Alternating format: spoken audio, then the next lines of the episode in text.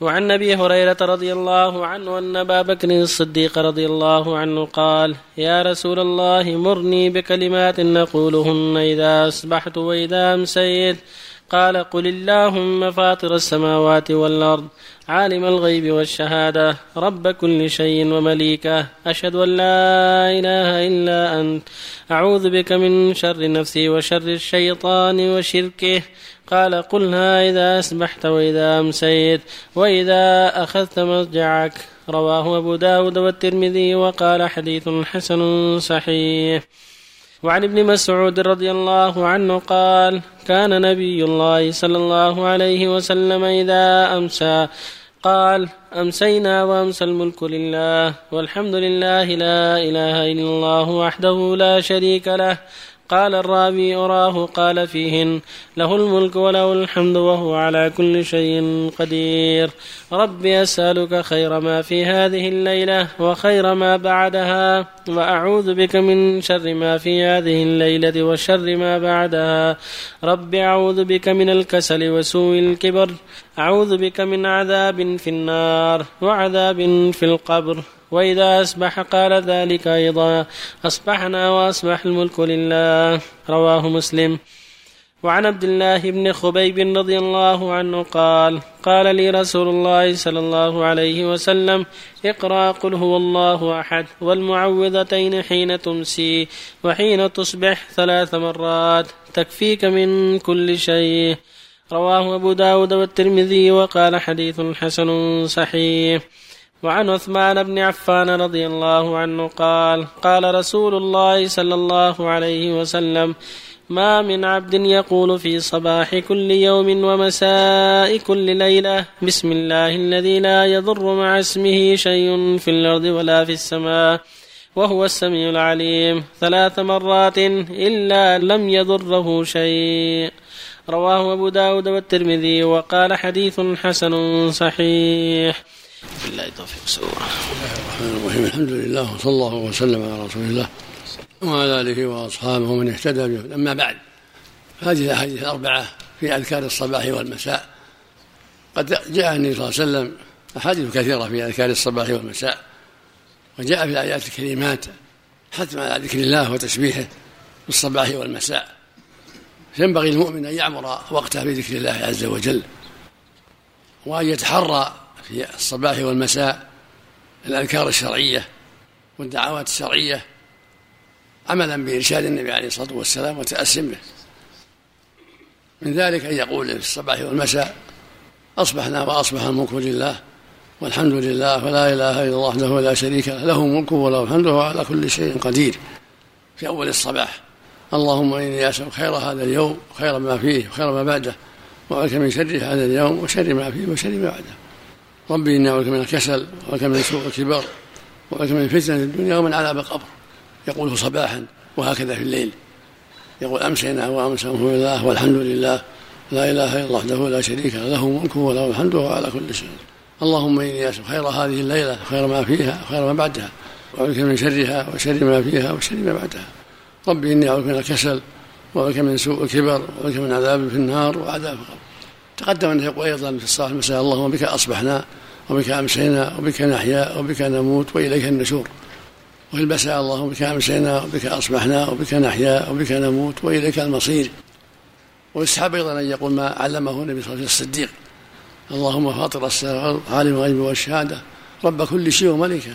أشهد أن لا إله إلا أنت. أعوذ من شر نفسي ومن شر الشيطان وشركه. وأعوذ بك أن أقترف على نفسي السوء ويجره مسلم هكذا جاء في الرواية الأخرى زيادة. وهذا الحديث صحيح فيستحب لمن يقوله في الصباح والمساء وعند النوم كما علمه النبي الصديق رضي الله عنه. اللهم فاطر السماوات عالم الغيب والشهادة رب كل شيء ومليكه. أشهد أن لا إله إلا أنت. أعوذ من شر نفسي ومن شر الشيطان وشركه.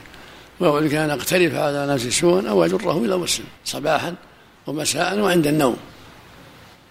هذا ما علمه النبي صلى الله عليه وسلم أمته عليه الصلاة والسلام. كذلك قراءة قل هو الله أحد والمعوذتين صباحا ومساء وعند النوم كما في حديث عبد الله بن خبيب أمره أن يقرأها ثلاثا صباحا ومساء. قل هو الله أحد قل أعوذ برب فلق قل رب الناس تكفيك من كل شيء. صباح ومساء بعد الفجر وبعد المغرب. ويقولها عند النوم أيضا كان النبي يستعملها عند النوم عليه الصلاة والسلام ثلاث مرات عند النوم. وربما نفث في يديه.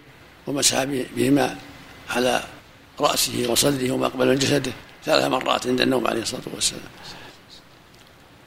والحديث الرابع يقول صلى الله عليه وسلم ما من عبد يقول بسم الله الذي لا يضر مع اسمه شيء في الأرض ولا في السماء وهو السميع في الصباح والمساء ثلاث مرات إلا لم يضره شيء. هذا حزن عظيم وفضل كبير. بسم الله الذي لا يضر مع اسمه شيء في الأرض ولا في السماء وهو السميع ثلاث مرات صباحا ثلاث مرات مساء. هذا من أسباب السلامة والعافية من كل سوء. كل هذه أسباب شرعية يتعاطاها المؤمن ويرجو ما فيها من الخير. وله الأجر في العمل بها تأسا من النبي صلى الله عليه وسلم وامتثالا لتوجيهه عليه الصلاة والسلام. وهكذا ما سواها من الأحاديث الواردة في الصباح والمساء. المؤمن يتحرى ما قاله النبي صلى الله عليه وسلم ويجتهد في التطبيق. يرجو ما وعد الله به أهلها على لسان النبي عليه الصلاة والسلام. وفق الله جميعا صلى الله إليك بسم الله الذي لا يضر مس بشيء في ولا في السماء يقولها في مساء كل ليلة. المساء يبدأ بعد الغروب أحسن الله أي نعم. المساء وإذا قال آخر النهار جاء المساء كذلك. صلى الله إليك تصحيح الترمذي يؤخذ به؟ نعم. في الأغلب. قد يغلط لكن في الأغلب. جيد. تحسينه وتصحيحه في الأغلب. وإذا قال حسن فقط. هذا اصطلاح له. الحسن ما روي من غير وجه ولم يكن في رواته متهم كذب ولم يكن شاذا يسميه حسن. وقد يتبعه بغريب قد يكون حسن صحيح غريب له اصطلاح رحمه الله.